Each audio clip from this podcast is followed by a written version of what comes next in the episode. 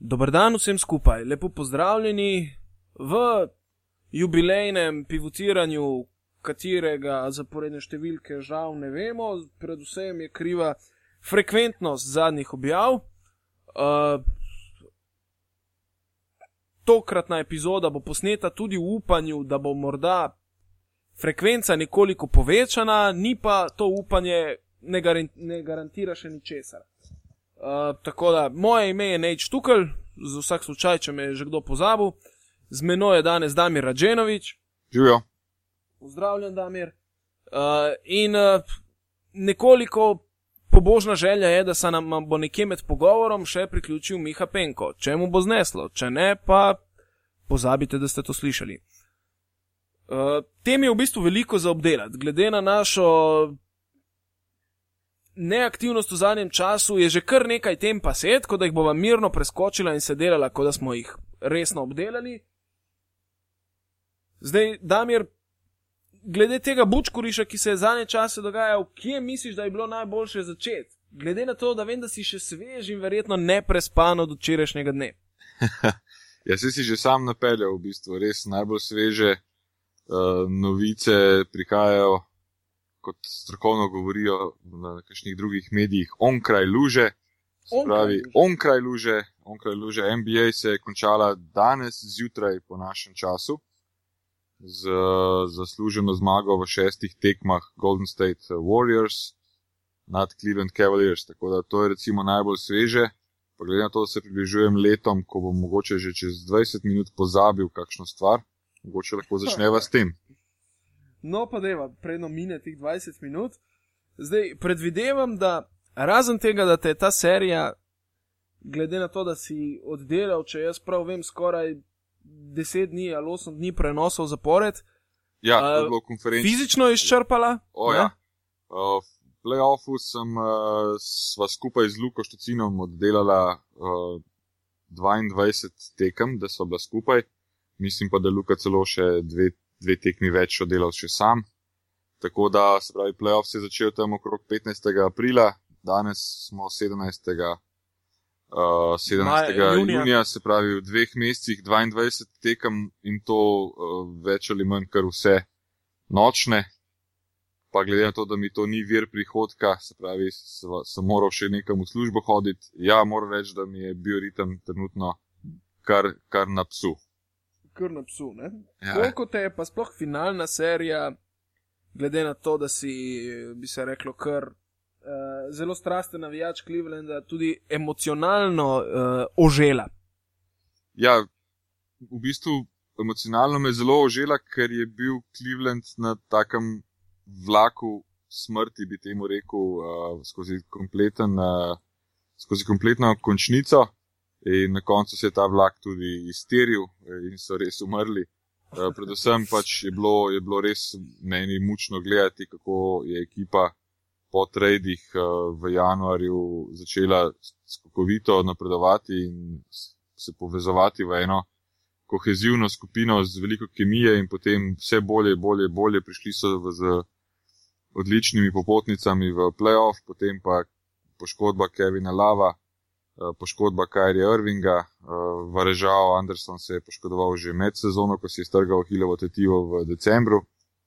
In potem, kar vidiš, kako se ti karte sesuvajo, potem pa v finalu, recimo po tej poškodbi Irvinga, ki je bil poškodovan v tretji četrtini, uh, tretji četrtini prve tekme, si rečeš, dobro, to je to, pa se nekako s tem pomiriš, na kar Cleveland povede 2-1, se pravi, to je ta vlak, ki je šel potem spet na vzgor, pa še igrajo potem četrto tekmo doma in nekako spet, mogoče so celo blizu, pa potem spet ta eh, padec na realna tla in uh, ta iztiritev vlaka, kot sem rekel na začetku. Tako da, ja, emotivno mi je bilo kar, še posebej pa potem to zaradi tega, ker je to mesto res noro na tisti en naslov v katerem koli profesionalnem športu, pa magar že pluvanje vdaljavo, mm -hmm. ki ga pač nimajo stokrat ponovljeno od leta 64, uh, eh, nobenega naslova in to mesto v končni fazi, ne, niti ne zaradi mene, seveda ne, ampak uh, si res zasluži ta baza, tudi ljudi, ki sem jih osebno pač nekako preko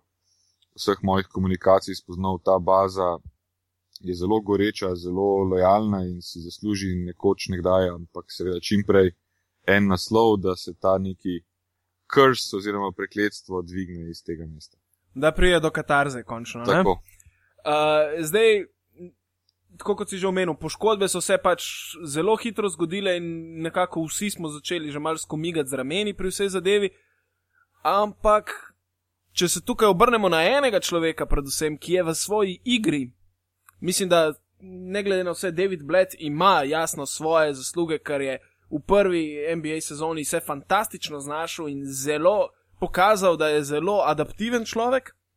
Ja. Uh, je Lebron, mislim, da dela v tem finalu čudo in držal v bistvu dolgo časa Cleveland na gladini vode. Jaz kaj takega, sicer sem si zelo malo ogledal v živo, večinoma pol v posnetkih, ampak kljub vsemu, kaj takega že dolgo časa nisem doživel, da imaš v bistvu v, v tako močni tekmi, tako pomembni tekmi, ne tekmi, tekmah, uh, enega človeka, ki na tak način drži pri tej intenziteti in moči, in pri njegovih letih, ki roko na srce niso ravno mala. In uh, glede na njegov način igre, je v bistvu, če pogledaš fizično, on dejansko še starejši človek, ker vprašanje, koliko časa bo zdržal s tem načinom igre. Ja.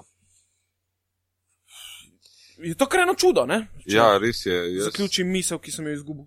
tako, jaz imam uh, z Lebronom eno tako, bom rekel, čudno, en čuden odnos. Uh, moram reči, da že takrat, ko je prišel na draft 2003, mi to nekako ni vse skupaj bilo všeč. Uh, PR njegov je obupan od prvega dneva, odkar je prišel v, v ligo.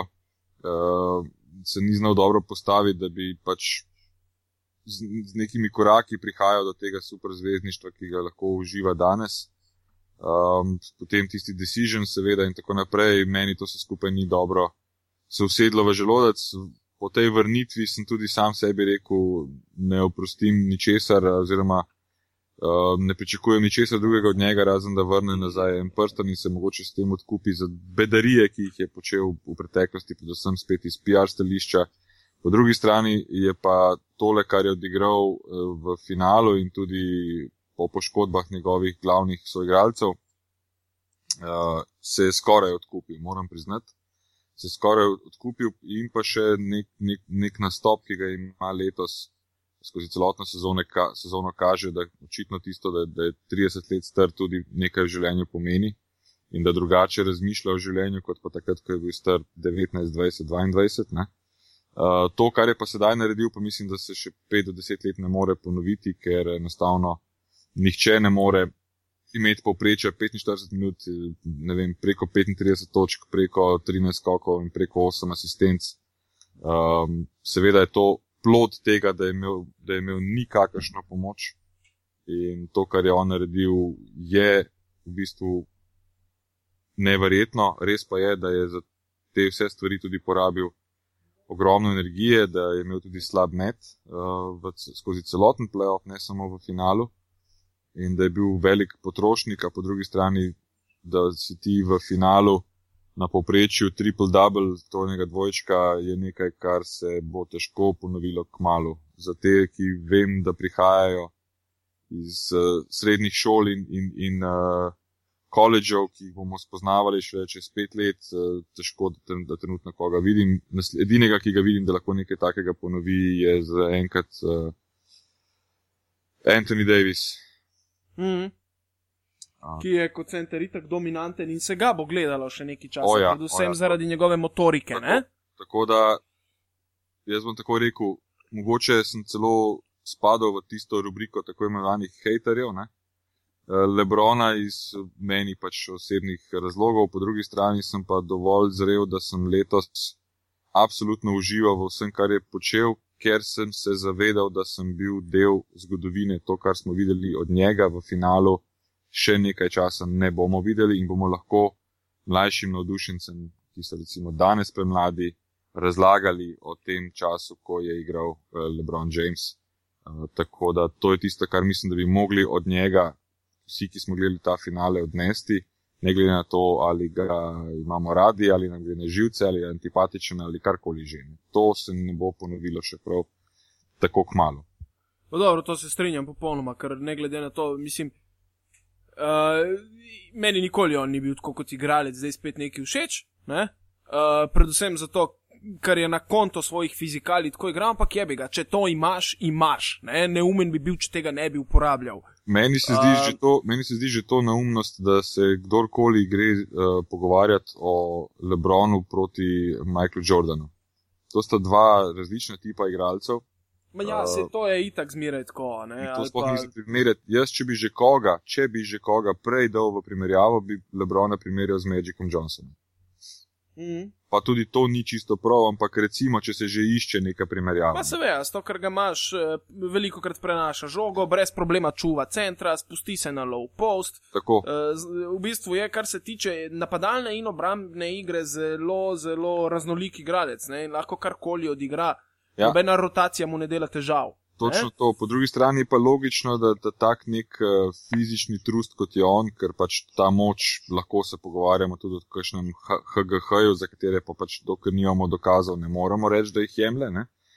Um, ampak hočem to povedati, da tak, tak trust kot je on, seveda pač igra, da izkorišča moč. Tudi mislim, da vsak od nas bi si želel biti tak uh, igralec, da bi, da bi lahko fizično tako dominiral, da se enostavno na tak ali drugačen način prebiješ do samega koša in pointiraš pod košem, če se da. Ne? Tako da iskati primerjavo, kako je Jordan, ki je bil tehnično bolj sposoben, kako je Jordan letel in eh, vem, delal takšne in onakšne finte, Lebron pa samo na silo gre notri, to so tako poenostavljene stvari, za katere mislim, da večinoma so za take izjave odgovorni ljudje, ki se ne spoznajo največ na košarku. To, da ti nekomu očitaš pač mišice in rečeš, da je zaradi tega brezvezen, to je približno tako, kot da bi nekdo Marko Miliču očital guzico in da je zaradi tega pač brezvezen. Ja, lej, Majo zna se obrniti okoli nje in kljub temu, da ima zdaj 38 let, še vedno rotira ja. okoli guzice, kogarkoli hoče. In ne? to lahko počneš še 10 let. Točno to. Ja. Tako da, ok, če, če se zdaj posvetiva še moštvu, ki je zmagalo. Absolutno. Ne? Uh, Golden State Warriors so itak že med samo sezono kazali uh, eno izjemno kombinatoriko, predvsem zunanje linije ne, z Klejem Thompsonom in Stefanom Curryjem. Uh, jaz osebno sem bil presenečen, recimo, ko je za MVP finala bil izbran Andrej Gudala. Ja. To je zdaj že drugo sezono zapored, da je bil za MVP finalne serije izbran igralec, ki je v obrambi uh, uspešno kontroliral Lebrona Jamesa. Tudi to nekaj pove, ne? Ja, uh, no, zadnji, zadnja stvar, da se posvetiva Lebronu Jamesu. Zakaj? Andrej Gaudala je MVP popolnoma zasluženo. Če bi Cleveland prišel preko Lebrona Jamesa v sedmo tekmo, bi se dalo debatirati, eh, ker pa ni, pa, pa ni debate. Novinari, 11 novinarjev je izbiralo MVP-ja finala. In Andrej Gaudala je dobil 7 glasov, Lebron James je dobil 4, vsi ostali igralci v seriji so dobili seveda nič. Ampak če je MVP tisti, ki je uspel ustaviti človeka, ki je dajal skoraj 36 točk na tekmo, imel več kot 13 skokov in nekaj manj kot 9 asistenc, potem je to zadnji dokaz, kakšno nevrjetno serijo LeBron James imel. Vendar, Andrej Godala je več kot zasluženo uh, MVP postal, kajti kljub temu je bil on edini, ki je LeBrona Jamesa na tak ali drugačen način uspel uh, ustaviti.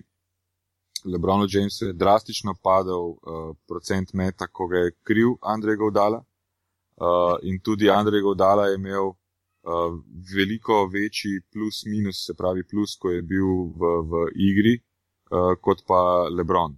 Druga stvar je, da je Gaudala presenetljivo dobro za nekatere, za nekatere, ki se ga pa spomnimo še iz časov, ko je bil soigralec Iversona in je nakazoval različne svoje Eh, ne samo atletske, ampak tudi igralske potencijale. Um, odlično je v napadu odigral, um, mogoče majhna črna pika je bilo njegovo izvajanje prostih metov, ki jih je izvajal, mislim, da okrog 33 odstotkov. Uh, vendar to ni, ni skazilo te slike. On je bil tisti, ki je v bistvu imel impact na to, da se je po prvih treh tekmah, ko je bil, um, ko je bil Golden State mečken v knockdownu, ki niso pričakovali po poškodbi Irvinga, da bo to šlo tako težko, mm. je takrat ga Steve Kerr dal v prvo postavo. V celi sezoni niti enkrat ni začel v prvi postavi. In takrat je Steve Kerr prepoznal, da je vrak odnesel šalo in se mu je že v statistiki kazalo, da vse je njegov dala najbolje pokrival uh, Lebrona Jamesa. In od takrat naprej je on na nek način spreobrnil to uh, serijo do te mere, da je imel tak impact, se pravi vpliv na serijo, da si je absolutno zaslužil uh, naziv MVP-ja. Meni se zdi smešno, da je nekdo razmišljal o tem, da je bil Steph Curry kakšen MVP. Steph Curry je odigral dokaj korektno, kompletno zadevo, ampak uh, v resnici je imel pa v šestih tekmah, za moj okus, je imel tam nekje Preveč eno tekmo 37, pa eno četrtino, ko je tudi Golden State dejansko že izgubil, je dobro odigral in pa potem tu in tam ni sestavil več kot ene tekme, da bi odigral dobro, kar pa ne, ne, ne, ne dajem kot uh, kritiko, kajti bil je več kot zaslužen MVP celotne, uh, celotnega rednega dela, ampak imel je pa ta luksus, da je imel več kot dovolj pomoči in soigralcev in tudi ta rotacija in več variant, kako napasti Cleveland, je bilo tisto, kar je v bistvu uh, presodilo in uh, Steve Kerr je tukaj oddelal en, en dober posel, da je prepoznal, kje so te pomankljivosti, zaradi katerih ne stojijo dobro in je potem tudi recimo od štartnega centra Andrewa Bogota, ki je, bil, ki je štartal v prvih dveh tekmah, treh in je potem njega pri, pripeljal do tega, da sploh ni igral več v zadnjih dveh tekmah. Mm. Uh, tako da to, to dobri trenerji naredijo, prilagodijo se na situacijo, ravno tako kot se je David Bled prilagajal na situacije, glede na vse poškodbe skozi playoff in vsakeč je našel novo formulo, kako priti ven kot zmagovalec in uh, ta clash na koncu v finalu, kljub temu, da je mogoče kvaliteta je trpela zaradi poškodb in tistih, ki jih ni bilo, uh, je pa vseeno pokazala se stvar, da sta, da sta Bled in pa um, Kr dobra trenerja, čeprav sta oba dva, recimo temu, Rukija. Rukija. Jaz sicer mislim, da mi kot evropejci smo nagnjeni k temu, da lahko rečemo, da je Bled boljši trener. Uh, pa to ne pomeni, da je kar slab, ampak v končni fazi ima Bled veliko, veliko več izkušenj, ne samo zato, ker je v Evropi igral, ampak ker je igral tudi v mednarodnih tekmovanjih, ko je pač bil selektor. Ne? Uh, ampak Steve Kerr je en zelo pameten, v bistvu tudi malo premeten možak, ker sem malo spremljal to, kako je prišlo do, do vsega tega, da je on postal trener Golden State in to se je nakazovalo že nekje leta 2008-2009, ko je na takšnih in drugačnih eventih začel koketirati z lastnikoma Golden State in to se mi ni zdelo nič takega, ampak pač neko networking minglanje. No, potem je pa dejansko prišlo do tega, da je o pravem času prišel v Golden State, da je Mark Jackson, trener pred njim, naredil, sedaj v procentih je to težko povedati, ampak je naredil nekaj posla um, in je v bistvu samo Steve Kerr nadgradil to zadevo, se obdal tudi z Elvinom Gen Gentryjem, ki je sposoben uh, trener, uh, še posebej za napad in sedaj tudi kot nagrado postal trener New Orleans Pelicans za novo sezono. Ki koga je pa v, kot obramnega trenerja imel, uh, mislim, asistenta uh, tega bivšega iz Chicaga, če se prav spomnim. Ne, ne vem, zdaj na koga misliš, ampak. Uh, recimo... Mislim, da je bil tudi pomočnik v Chicagu v lanski sezoni še. Drugače je imel Luka Waltona. Ne? Ok. Luke Walton je bil še igralec Lakersov, seveda, ki je bil soigralec uh, Kobija, tako da na njega si mogoče mislil, ali pa ne vem, drugače Ronan Adams bil še njegov uh, asistent, ampak to so že malo manj uh, znani, uh, znani trenerji. Predvsem, predvsem je tukaj bil glavna, bom rekel, uh, tvorca tega. Uh, Luke Walton in pa Elvin Gentry. S tem, da Elvin Gentry ima tudi nekaj izkušenj, seveda, iz, iz, kot glavni trener, Vemo, da je bil trener tudi našemu Goranu Dragiču in tukaj so eno, eno kohezivno enoto tudi oni med seboj uh, ustanovili. Ne.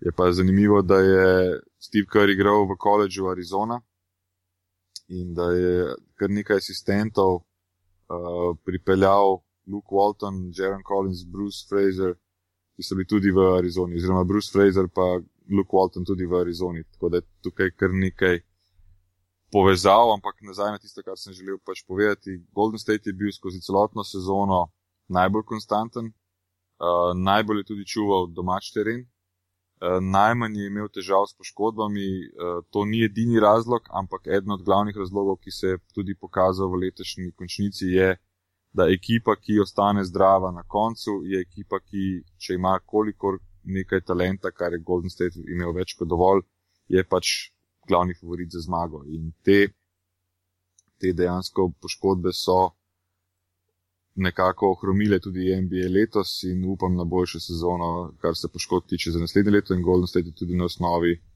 zdravja uspel prijeti do tega. So še kaj pozabili povedati o finalu? O finalu se lahko pogovarjava še pet ur, ampak jaz upam, da si je veliko ljudi ogledalo finale, da so uživali v njem vsak na svoj način, da so zadovoljni z rezultatom vsak na svoj način in da bodo NBA spremljali še naprej. Jaz sem si želel sedem tekem. Ne? Tudi zato, ker bi potem sedma tekma bila končno za vikend. Ja. Bi lahko končno ulovil eno gledal, ja. tekmo, ja. normalno užival. Ja, jaz sem si želel štiri tekme, ne? ampak dobro, ne morem. Sanja svinja, kako bo razumel. Ne more vsak dobiti, kar si želi. No, je pa samo mogoče še zadnji stavek, eh, če, če Cleveland ostane na nekem eh, rosterju, kot je sedaj, nekaj odozame, nekaj doda, se lahko zelo, uh, zelo verjetno zgodi, da se celo to finale ponovi naslednje leto. Jaz tudi mislim, da je to zelo možno. Uh, predvsem, da Cleveland prijeti. Ja. ja, seveda, pač, če ne bo nekih hudih premikov, bo vzhodna konferenca še zmeraj na nek način slabša od zahodne, dokler je Greg Popovič živ in dokler igrajo te stari norci, nikoli ne smeš. Uh, Novi fosili, ne, ali ja, nikoli, odpust, nikoli ne smeš odpisati San Antonija, pa dobro. Spet se bo na tržnici nekaj delalo, mogoče samo še to na tržnici, mogoče bo celo malo manj posla kot leta 2016, zato ker pač prihaja nov salary cap in mislim, da s to bombastičnih transferjev ni za pričakovati v tem poletju, bo pa še vedno dovolj zanimivo. Skratka, obeta se to, da gre še več denarja v NBA, kar pomeni, da bo prišlo še nekaj novih evropskih velikanov, Sony Wims je tem že recimo izjavil, da gre v NBA. Ja. Uh, tako da, kot jaz vem, se nam obeta zelo velik, še večji razkorak med NBA-jem in Evropo. Ne? Kmalo bo že vsak, ki je vreden, igral v NBA-ju. Ja, ampak tudi na srečo teh igralcev, po drugi strani pa na žalost bodo tudi nekateri igralci z novim Severy Capom preplačani uh, do te mere, da, da mi, navadni smrtniki, ne bomo dojeli, zakaj je en netalentirani Matthew Delavedova lahko v Clevelandu dobi triletno pogodbo za 10 milijonov dolarjev. Ne, ne gošta. Ne. Ja. Je, je kar dolg je spisek preplačanih igralcev, že pred dvigom sele. Ja, pa, no, to pa vedno v NBA je tako. Ja. Ja. Uh, ok, če zadevo zapakirava in skočiva zdaj naprej, recimo, evo, Evropa. In, in če še malo poskrolava, zumirava to Evropo in prideva na območje Balkana, tukaj se je v zadnjem času tresla gora in ne morem niti reči, da se je rodila miš, ker vse skupaj me spominja na en miši drekec. Uh, govorimo o Ligi Aba, o sporu med Fibo in Ulebom, o, o, o vsej histeriji, ki je bila zaganjena zadnji mesec dni. Zdaj tukaj sem si jaz ustvaril kar eno močno teorijo zarote, ki se še vedno držim in predvsem to, da je večina, mislim, da je večina te zadeve bila načrtno rušena strani enega srpskega medija, ki je v tem trenutku bil podaljšana roka zveze, košarkarske srpske. Ja. Govorimo o večernih novostih, uh, ki so nekako začeli prav dnevno, mislim, da so objavljali uh, serijo člankov o sedanjem ustroju Abba lige in kam to pelje, in, in uh, o vseh možnih povezavah med Abba ligo in uh, Sidrom DOO, in potem je še eno Sidro, če sem prav razumel. In v glavnem, cel en golaž teh zadev. Zato, da so na koncu včeraj sporočili po tem nekem svojem delovnem sestanku rezultat, rešili smo Abba ligo, imeli bomo 12 klubov, nov ustroje in vse skupaj oprosti, ampak kurac nič od rešitve, če me vprašaš. Ne vidim, da je karkoli boljše, vidim, da je mogoče celo malo slabše, Dejansko pa uh, niti ne vem, kakšna je zadaj zdaj struktura financiranja, ker do zdaj klubi niso imeli stroškov. Bilo je slabo, recimo, to, da so uh, bili wildcardi, ker že uh, liga že dolgo časa ni imela nobenega sponzorja in se je v bistvu sponzorirala sama sebe na način, da je začela izžemati klube z wildcardi. Po drugi strani pa zdaj ne vem, kakšna je pokritost. Ker tisti predlog FIBE, ki je bil vmes za novo rekonstrukcijo Aba lige, je bil oprosti. Se pravi, FIBA plača 800 evrov uh, lastniškega deleža, tako kot vsak od klubov, in ima veto na vse pravice. Mene je v tistem trenutku zamikalo, ker toliko imam na strani, da bi takoj uplačal 800 evrov. Lahko ja. dam tudi Jurija pa pol, spoh če bom imel veto, nema problema. Veš, koliko stvari je v življenju, ko lahko naredimo tudi mi, ampak po drugi strani se ne, ne pišemo pravilno ali pa ne poznamo pravilnih struktur. Seveda lahko to naredi marsikdo, da, da 800 evrov, pa tudi za 8000 evrov greš vzeti kredit, če misliš, da boš iz tega pa lahko se poplačal in da boš lahko tudi profitabilen. Ne. Ampak eh, meni je nek, nekje, jaz pa začenjam iz drugega konca, da bom tukaj malo krajši, ker ti zadevo bolje poznaš, glede na svoje informacije. Jaz mislim, da je težava se začela na tem, da sta se začela FIBA uh, in, in ULEP v bistvu uh, med sabo uh, bockati, da, ja. da, da ta sistem, kot ga je imela Euroliga, je tudi na nek način prav, da se je malo zdrmal, ker so klubi bili brez nekega motiva, če smo že mogoče uh, pričakovali, da bo šlo nekaj v smeri lige prvakov v nogometu, kjer se ti splača, da, da pač zmagaš, da dobiš od nekega pula uh, sponzorjev denar, s katerim lahko potem spet, ne vem, razvijaš nova igrišča, probaš z novimi pač. Uh, igralci spet in akademijami in tako naprej, ampak ni šlo v to smer, ampak je na koncu Euroliga postala en sam strošek. Zdaj za enega CSK-ja to ne, je prestiž, ne, ampak za eno kljub vsemu bivšo, bivšo Euroligaško ekipo, kot je bila Union Olimpija, je to samo strošek in se samo prodajo kart v stožicah, če bi bile polne, se tudi to komi, komi pokrije. In FIBA je prepoznala ta moment, da so se nekateri manjši klubi mogoče znotraj Eurolige začeli sprašovati, zakaj je to potrebno, da tukaj vržemo ogromno denarja v igralce, ogromno denarja v samo stroj pač tekmovanja in potem izpademo v top 16 in je šel denar v zrak. Ne? Tu je FIBA ja. začutila neko priložnost, kako. Da ne govorimo o Eurocapu šele. Ne? No, tako je. Tako, Tisto je pa sploh uh, v bistvu sod brez dna. Ja. Kar se tiče financ in tudi gledanosti in tudi pravic in vsega skupaj. Sej dejansko ni neke računice tam noter za nek klub, ki dobiva prihodke na nek normalen način. Tako in ja. tudi v Eurocapu, kot veš, so se nekateri klubi tudi odpovedovali ne, igranju v, v preteklosti, čeprav so se uvrstili po rezultatih notri. Ne. Uh, in to je bilo pred, pred, predvsem iz finančnega razloga. Ne. Se to imamo na vseh nivojih. Evo, uh, imaš recimo Metala Cvaljevo, ki je letos si svojo kvalifikacijo v Abu Leiji zaslužil nastope v Eurocapu in se takoj potem, ko so, dobili, ko so se kvalificirali, so tudi povedali, da v Eurocapu pa ne bojo nastopili. Prvič zaradi financ, drugič zaradi dvorane.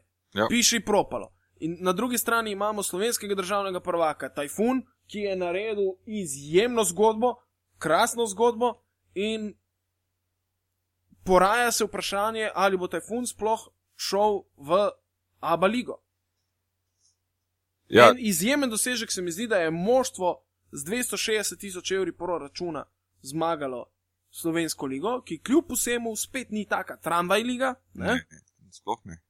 Tudi uh, tisti, ki je to kdajkoli trdil v, v letošnjem, vsaj v letošnjem letu, da ne govorim tudi o kakšnem drugem letu, se tudi ne spozna veliko. Ne, mislim, da je to bi si upal trditi, govorim na pamet, ampak mislim, da je to ekipa z najmanjšim budžetom, ki je zmagala slovensko državno prvenstvo vse od osamosvojitve. Ja, jaz mislim, da si, si verjetno, kar imaš prav. Ker Olimpija je zmeraj imela večjega, kar ja, je zmagala, je tu imela večjega, Helios tudi, tudi. in pa smo že počasi tu. Ja. Tako da, ne vem, ti zdaj povej, kaj, zmenili so se pač za teh 12 klubov, ampak uh, jaz tudi ne vidim. Neke spremembe so, to je definitivno. Ampak... Sam, kakšne spremembe so? Zdaj so govorili o lasniški spremembi, se pravi pač, da uh, Sidro DO naj ne bi več bilo 20-odstotni lasnik. Zraven je omejena ta le pogodba 1 plus 1 plus 1, preizkusna doba, Ja. kot jo imenuje jo ljudje na Twitterju in na katero čudno reagira š, trenutni predsednik Unije Olimpije. Uh, je pa zanimivo, da po drugi strani za ta tri leta, če sem jaz prav razumel članek, ki je napisan na košarka.si, uh, bo zdaj las, v las, lasništvu nekako 120 odstotno. Ne? Spet smo pri, enem, pri eni balkanski mučki. Jaz, ko sem prebral zapis, sem debelo pogledal, ker nimam se lik za najbolj glupega človeka na svetu, tudi za nekega blaznega genija, ne? ampak jaz nisem štekal, o čem se gre in, in dvomim, da zelo veliko ljudi šteka, o čem se gre. Ja, jaz mislim, da če sem prav razumel, je, je, dajmo, da ne zavijamo, da ne gremo zdaj v tiste potankosti, ki jih bo mogoče težko razumeti vsem nam. Uh, mislim, da so trenutno najprej naredili to, da so poskušali zadovoljiti FIBO. Zato, da se reprezentance lahko udeležijo recimo Eurobasketa. To je moje prvo mnenje. Uh, po drugi strani pa ekipe, ki so si preko igranja priborile Euroliga, ne, se pravi Crvena zvezda, CD-vita, uh, pa tudi so vložile toliko denarja, da se jim zdi nesmiselno, da se njihov status spremeni, glede na to, kaj so osvojili na terenu in uh, koliko denarja so v to vložili, torej želijo igrati Euroligo. In tukaj se je iskal nek kompromis, da bo Volk sit in koza cela. In uh, mislim, da so zagrabili nek minimalni standard, ki ga je FIBA uh, želela, preden prepove tem panožnim zvezam nastope in potem potegne še kakšne druge sankcije. In zato se je tudi hitelo, ker jutri je sestanek na, na, na FIBI, da jim pošljajo to, um, ta, ta novi ustroj, ki naj bi zadovoljeval kriterije, ki jih hoče FIBA. Uh, ne pozabimo pa, da so s temi sklepi povozili sklepe iz enega meseca nazaj. Ne? Sej, ampak po drugi strani, ali. Uh, mislim, povedali so, da so s tem ugodili in Fibi in Ulebu. Ne? Izjava Fibe se pravi, naj bi prišla po jutrišnjem sestanku, predvidevam. Ja. Uleb se je pa vmes samo oglasil, da oni priznavajo tako zadevo kot je in da lastništvo je njim pač zadnja briga, v bistvu, ne?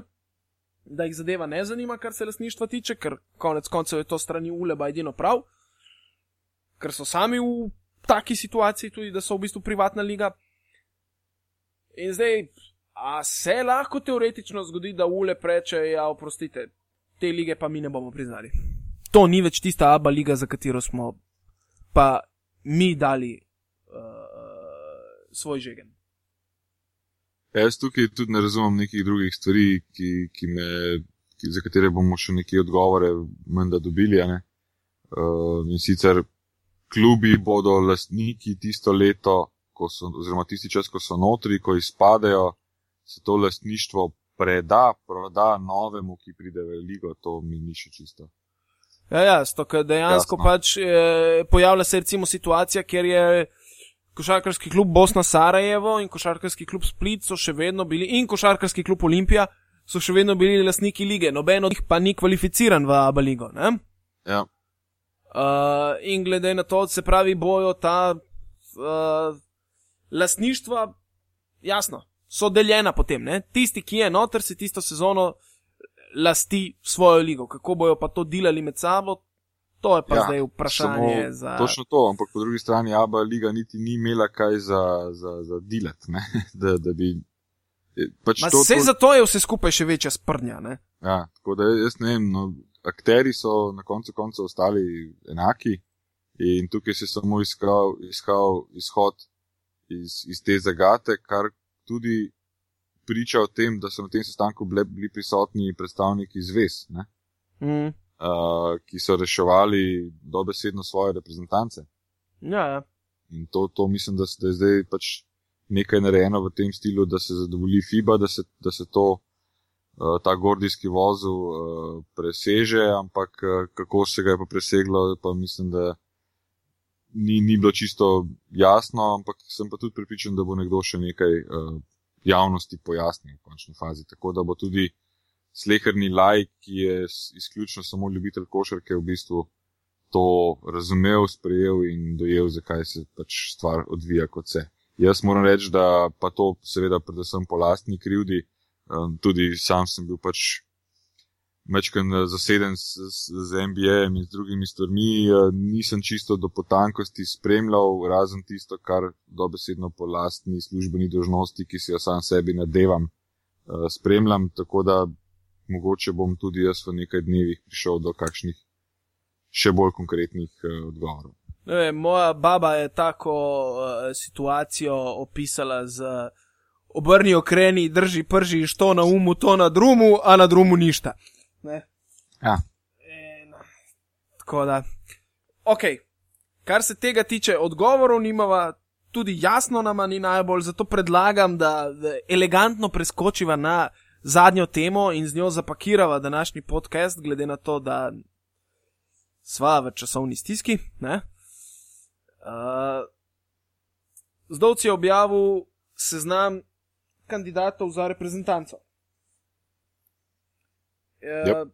Zdaj, kar se tega, kar se selektorstva tiče, ne bi tukaj nič polemiziral. Uh, jasno je, zakaj je tašno seznam, predvsem zato, ker je seznam tistih, ki jih tokrat zraven ni bistveno močnejši. Ne? Ja. Uh, me je pa kar malo strah postalo po tiskovni konferenci, ko sem pogledal, ker že več čas ponavljamo, prišel bo padec, ne? prišla bo luknja, ki jo bo težko zapolniti, ko se asi zlate generacije poslovijo. Mogoče ta padec prihaja celo hitreje, kot smo si upali to napovedati, če pred kakšnim letom dni.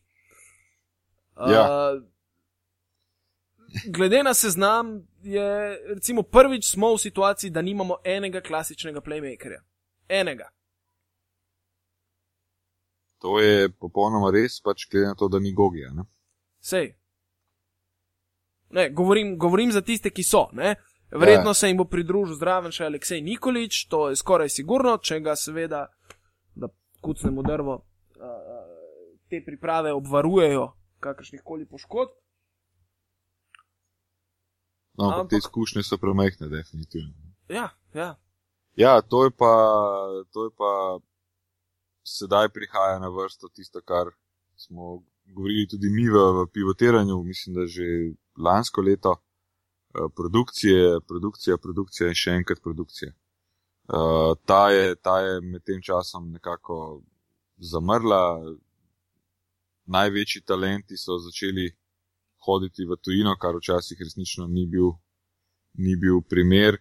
Vsakdo, ki je kazal nek talent, se je poskušal skozi Olimpijo in tudi malo kasneje skozi Krko profilirati v, v tekmovanju v Euroligi. Teh tekmovanj ni. Uh, denar je vse bolj uh, pomemben, kljub temu se išče tudi marsikje hitri shodi v smislu, da se prije do nekih prvih pogodb, ki jih pač v Sloveniji težko zagotoviti uh, finančno. Tudi sami klubi se dosti krat pritežujejo, da slovenski igralci na katerem koli nivoju že so dokaj dragi in uh, potem iščejo bolj uh, druge, te igralci pa iščejo bolj tujino. Produkcije ni, uh, jaz sem vedno govoril o tem, ko smo imeli eno dolgo debato, pa to ne bomo zdaj še enkrat pogrevali. Um, mladinski trenerji in trenerji kadetov, pionirjev bi morali biti, eh, bom rekel, plačani in imeti to kot stalno službo in skrbeti za te, uh, za te igralce in iz tega potem razvijati. In če z vsake generacije uspeš enega, dva poriniti, pa če to se dela na nivoju vsaj petih, šestih močnih slovenskih sredin in klubov, um, se potem lahko spet nekaj novega naredi. Tukaj smo imeli luknjo, ta luknja je uh, opazna, zeva in tudi pač ta reprezentanca, ki je sedaj napisana, um, je okrnjena do te mere, da se lahko zgodi sicer, da bomo zelo prijetno presenečeni. To pa govorim predvsem zato, ker jaz osebno zelo zaupam uh, Juretu. Se strinjam, ki. Ja, ki dejansko, tudi če, bo, tudi če bi pripeljal, da bi se zgodilo ne vem kaj, boh ne da je pade letalo, pa da se treba reprezentance nadomestiti, bi njemu zaupal tudi z novim izborom, ki bi spet našel neke ljudi, ki se bojo fajtali in se bojo borili in tukaj Jure ne bo odstopil od tega in to je recimo en pečat, ki ga imam rad na naši reprezentanci, kadar je on uh, bil selektor. Ampak, ko zmanjka pa kvalitete, individualne, zmanjka pa individualne kvalitete in v tej trenutni reprezentanci pač bo borba, bo, bo fight, bo pač tudi nekaj znanja, ampak za, za, za to, kar, kakšni, so, kakšni so druge evropske reprezentance, je pač na kvalitetnem delu uh, premalo. Mislim, sej, če gremo po, recimo, po samih imenih. Uh, če pogledaš, veliko od njih je imelo v bistvu solidne sezone za sabo. Ne? Niso to zdaj pač zadeve, ki bi bile na najvišjem nivoju, ampak imel si recimo tukaj, ne vem. Uh, Jaka Blažič je imel solidno sezono v Zvezdi, sploh prvi del je imel zelo dober, v drugem delu je malo padel. Pri njemu predvsem upam, da se bo končno da se bo letos uspel vklopiti v zdolčev sistem, kar bi za njega pomenilo malo manj bezljanja v napadu in uh, bi se reklo malo več čitanja igre v samem napadu. To mislim, da zdolc največ zahteva od njega in tukaj je lani bil ta kreš, uh, uh, da je na koncu imel celo srečo, da je bil sploh v tisti 12-terici za svetovno prvenstvo. Ja. Jaka klubučar, ki bo uh, ob tej zasedbi in ob skoraj sigurni uh, odsotnosti Gorana Dragiča, uh, prvi dirigent igre, ima za sabo v bistvu zelo dobro sezono v Ulmu. Ja, Igral je v ekipi, kjer mu je košarka ustrezala, kjer mu je liga ustrezala, kjer je bila hitra in on prihaja po dejansko prvi uh, resni, uspešni izkušnji v tujini. Ker prva izkušnja v tujini v Partizanu se mu je nažalost izjalovila, potem je imel tisto kratko izkušnjo v Italiji, Ali. pač v, v, v drugi ligi in potem je bil spet v Sloveniji. Tako da Za samo samozavest igralca je zelo dobro, da se je končno izkazal nekje na enem neutralnem terenu, ne? da nisi uh, uh, ob domačem ognišču, uh, ob vsej podpori, kjer si v bistvu sam sebi prepuščen. Ja. In pokazal se je kot zelo koristen igralec v samem Ulmu, tako da mislim, da ne vem, ali je podpisal dvoletno pogodbo, ampak mislim, da Ulm še računa naprej. Gašper Vidmar imel v Darušafaki, kljub temu, da je že drugič se vrnil po poškodbi kolena, uh, zelo solidno sezono. Sicer nobenega superlativa, ampak svoje je odigral. Ni bil prikrajšan za minutažo, imel je redno minutažo, oddelal je svoje na terenu. Uh, zdaj, meni je mogoče celo malo presenečenje, po eni strani ja, po drugi pa spet ne, no, uh, Uroš Slokar, ki je nekako mi izjemno kameleonsko prihaja skozi vse te. Uh, ja, ampak je urož spet, uh, bom rekel, rutinersko sezono. Pa si to, on ima rutinersko sezono. Ne, in... V Španiji in tudi tistih par tekem, kar sem uspel njegovih pogledati, um, je bil dokaj vidni član in enostavno. Lej, ko priješ v določena leta, tako kot je Uroš uh, sedaj v svojem uh, 33. letu, enostavno veš, kaj treba početi in kdaj in kje in kako. In, uh, če zdravje služi, potem ga pač lahko vedno uporabiš. Po drugi strani se pa tudi ne moremo ravno pohvaliti z uh, igralci, ki imajo solidne, da ne rečem, velike izkušnje uh, in so 210 visoki. Ne? Se je to, se je to, ne. Pri Urošu vedno znova pozabimo, Uroš je bil v NBA-ju, halo, ne? To ni, uh, to ni igralec, ki pač se tukaj potika od uh, Trojan pa do, do postojne, ampak je to bil NBA igralec. Ne, pravi, ti, Mislim, ti, da je na podlagi pač, tistega pač, enoletnega angažmaja v NBA-ju dobil še naslednje tri pogodbe. Ne? Ja, ampak vseeno. mislim, Levičar 210, Borž. Zna za Detrojko in zna iti ven. Nikoli, da... nikoli rekel v reprezentanci, ne, vedno bil pozitiven, pameten, miren človek. Itak, da, da, da, da, da to, v, to rabiš v, tudi v garderobi. Ne? Normalno, normalno. Se je veliko krat bil tudi nekako tudi kandidat za kapetana. Ja, v ja, času, ko je Smodiš bil v reprezentanci, ko so še igralci recimo glasovali za kapetana in tako, tako naprej. Sloki, sloki ni nikoli sporen in uh, vsa čast, in, uh, tem, uh, vsa čast mu, da se vedno tudi odzove. Ne? Žal mi je, recimo, da Domna Lorbka ni zraven, sicer razumljivo, glede na to, da on je tudi v preteklosti imel veliko težav s poškodbami, predvsem stopala so pri njemu problematična in Ja. tako naprej. Ne? Tako da, No, tukaj so tudi nove teorije zarote, pa ni, pa jaz, ker imam informacijo, niso res, resne doma, ma, ne dela. Ne? ja, ja, jaz Ja. sem že nehal padati na te Ja. teorije zarote, ker se Tako. spomnim tudi, ko je. Leta 2011 eh, Erasem Lorbe kot povedal, pa, pa so ljudje navalili, da to je samo zarota očeta Lorbka, ker hoče imeti vse tri uh, brate v reprezentanci ne? in da zato nobede ne igra. In potem kaj, dve leti kasneje se je pa eh, pokazalo, da je Erasem Lorbek zaradi svojih poškodb totalno hin. Ja. Ne? In če bi morda spustil tisto prvenstvo 2011, bi uspel morda regenerirati tisto, kar se mu je pa potem kronično naprej ponavljalo in seveda samo poslabševalo. Ne? Tukaj smo, te zadeve so, kakor so. Sej tudi določeni napadajo Gorana Dragiča, pač ker se je odločil, da želi biti z družino ob rojstvu hčerke.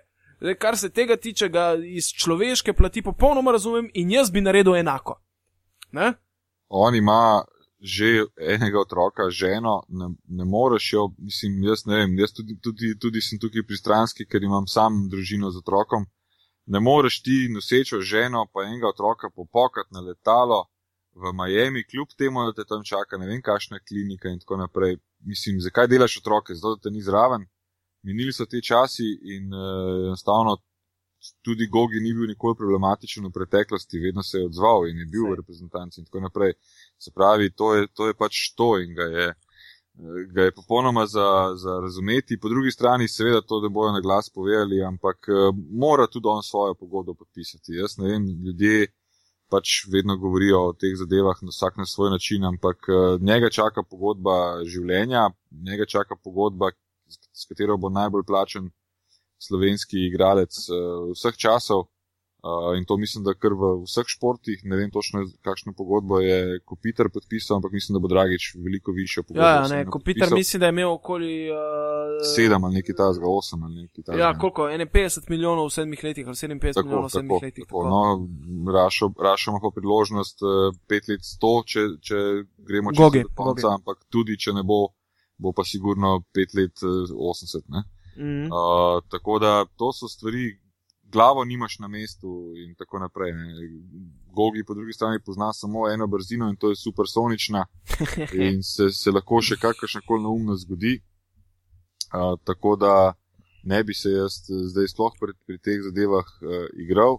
Uh, in pa to mislim, da je vse, kar, je- kar se tiče naše reprezentance. Bi pa rad samo še enkrat povedal. Leta 2015 nacionalna čustva preko vseh meja za to, da bom jaz uh, igral za reprezentanco pri današnjih zaslužkih igralcev, pri današnjih pri današnjem številu tekem, potovanj, ki jih imajo, mimo so te časi, ko so ljudje uh, na tak ali drugačen način uh, uh, dali vse na stran za to, da so, da so odigrali reprezentanco in ljudje, mislim, da se moramo nehati slepiti s temi uh, starimi variantami, ti moraš za reprezentance igrati, pa magar umrl. Ne, ni več tem ljudem treba. Ti pa jaz bi, ko so pač nekih srednjih prihodkov, pa ima rada svojo državo, ampak to so druge stvari zdaj. Drugačni ljudje, drugače vzgojeni in ni tega veliko tako. Ja, meni je edino žal z tekmovalnega stališča, ker je to verjetno zadnja možnost, da se slovenska izbrana vrsta kvalificira na olimpijado. Cilj, ki ni bil nikoli dosežen. Ne? Z tega. Ja. stališča mi je žal. Ampak z Dajmo- človeškega vidika pa zadevo popolnoma razumem, tako da pač fuck it. Ne? Deva biti bit, uh, optimistična še z dvemi zadevami. Te fantje bojo dali vse od sebe.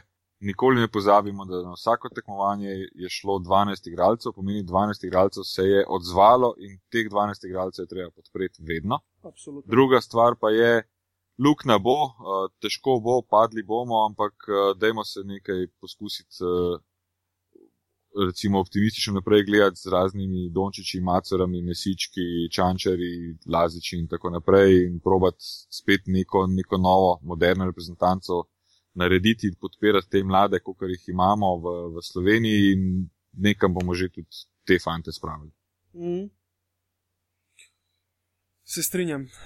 Evo, danes sva skoraj na urci, Ta manj, ta manj, ne? točno to. Glede na to, da naslednjič pa se nam morda pridruži celo Miha, obdelamo še zaključek eh, evropskih lig, ki se nam obeta, ene par velikih presenečenj in še ene par poslastic, kot je El Clasico, eh, ki bi se skoraj tudi sprovrgel presenečenje z Unikaho. Ne? Ja, Uh, skoraj. tako da to je za danes to. Če imate kakršno koli vprašanje in bi nas radi okoli tega zagnjavili in morda z njim tudi spodbudili nekoliko bolj našo frekventnost, sicer je treba frekventnost tudi malo upravičiti na to, da smo res bili vsi polno zasedeni, vsak na svojem področju, zato se tudi danes nismo uspeli zbrati kot celoten kvartet.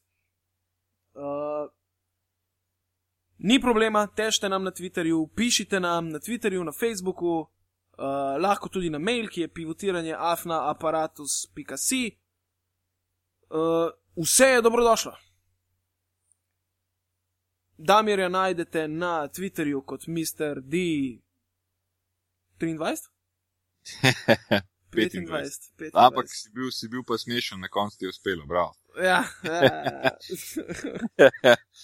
Ne, ne, Mark Price je še zmeri prva legenda Clevelanda, bil je tudi na tretji tekmi. Vem, jaz sem videl tvoje retvite. Sem bil zelo, zelo vesel, sprejel sem ga standing ovation, nikoli ne pozabiš igralca z upokojenim dresom. Nego šta. Kjer igralec bi v Olimpiji dobil standing ovation? Standing ovation, ja, jaz jih imam veliko ne, v, v mislih. Uh, definitivno Danev, ne vem, Basin, uh, Hauptmann, uh, Đurišič, uh, tisti, ki se pač teh časov spomnijo, Milko, Milko, Milko. definitivno v končni fazi zdovci zasluži. Jasikevičius, Je, na kljub eni sezoni, verjetno. ja, tudi, seveda, no, teh, Sani, teh tujcev, sani, vedno teh tujcev nisem ravno mislil, da, da, da, da je kdo ne vem kaj, ampak uh, Bojisa si vedno zaslužil standing ovation za svojo borbo. Stepanija, Stepanija je legenda, zadnjič sem mu čestitil rojstni dan, mi je nazaj odgovoril.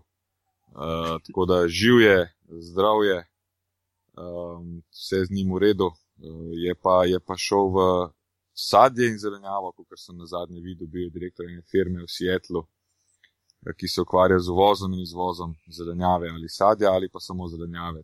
Da kjer kralj. Vmes je pa študiral mednarodne odnose in delal kot eh, medijator, ko je Gruzija šla v vojno z Rusijo. Ne? Ja, model, sicer so govorili, da ga v Gruziji ne marajo preveč, ampak eh, to so zgodbe, ki so pač na pol preverjene, ampak eh, jaz, kar sem z njim. Ker noben od nas ne razume dobro gruzijsko. Ne? Ja, ne, še manj pa pišemo tisto pisavo, ki jo oni uporabljajo, tako da ne moramo niti prebrati ali pa v Google Translate, kaj pišejo. Po drugi strani pa lahko o njemu iz tistih časov, ki so jih skupaj preživela, preživela so jih pa ogromno, ker so isti letnik. Uh, povem samo najboljše človek, ljudi na srce, maksimalno. Ko smo pa že glih pri srcu, uh, Marko Tušek se je zadnje čase po, po medijih malo vlekel, jaz sem pa samo to želel povedati, da sem vesel, da je živ, uh, da, da, je, da, je, da je ok, zdrav glih ni zaradi uh, kančka aritmije, ampak da, je, da, da se mogoče, čeprav je zdaj v težkih časih, da se bo nekaj za njega našlo, kajti človek s takimi izkušnjami, z velikim srcem, tudi on, nastopal za, za Olimpijo tako ali drugače. Uh, tako da, ja, mislim, dalo bi se kar debatirati, koliko ljudi si zasluži en standing uh, ovation, in mislim, da to je blago, ki ga mora Olimpija kot brand še zmeraj potencirati, izkoriščati, eh, seveda na lep način izkoriščati legend v tem klubu je malo morje, nekateri so bolj znani, nekateri so manj znani, publika pa vedno prepoznala borbenost in, in, in v bistvu trud za dres, uh, katerega nastopaš. Tega je danes mogoče malo manj, uh, iz popolnoma drugih, mogoče tudi vzgojnih razlogov. Vse se začne pri družini, ampak kaj smo v takih časih smo. V takih časih smo, nismo mogli brez Olimpije očitno iti skozi, dolgo časa se ni nič o njej govorilo. sem Pa celo- vse so, so samo pozitivne stvari. Vse to, vse to, kar je v redu, kar je v Ja. redu. Naj bo začetek ali konec pozitiven. Da, evo, to je bilo za danes vse. In na slišanje prihodnič. Res, če imate kako temo in, in če bi želeli nas spodbosti s kakšno zadevo, feel free to write us. Z moje strani je to vse. Čau. Adijo. Čau.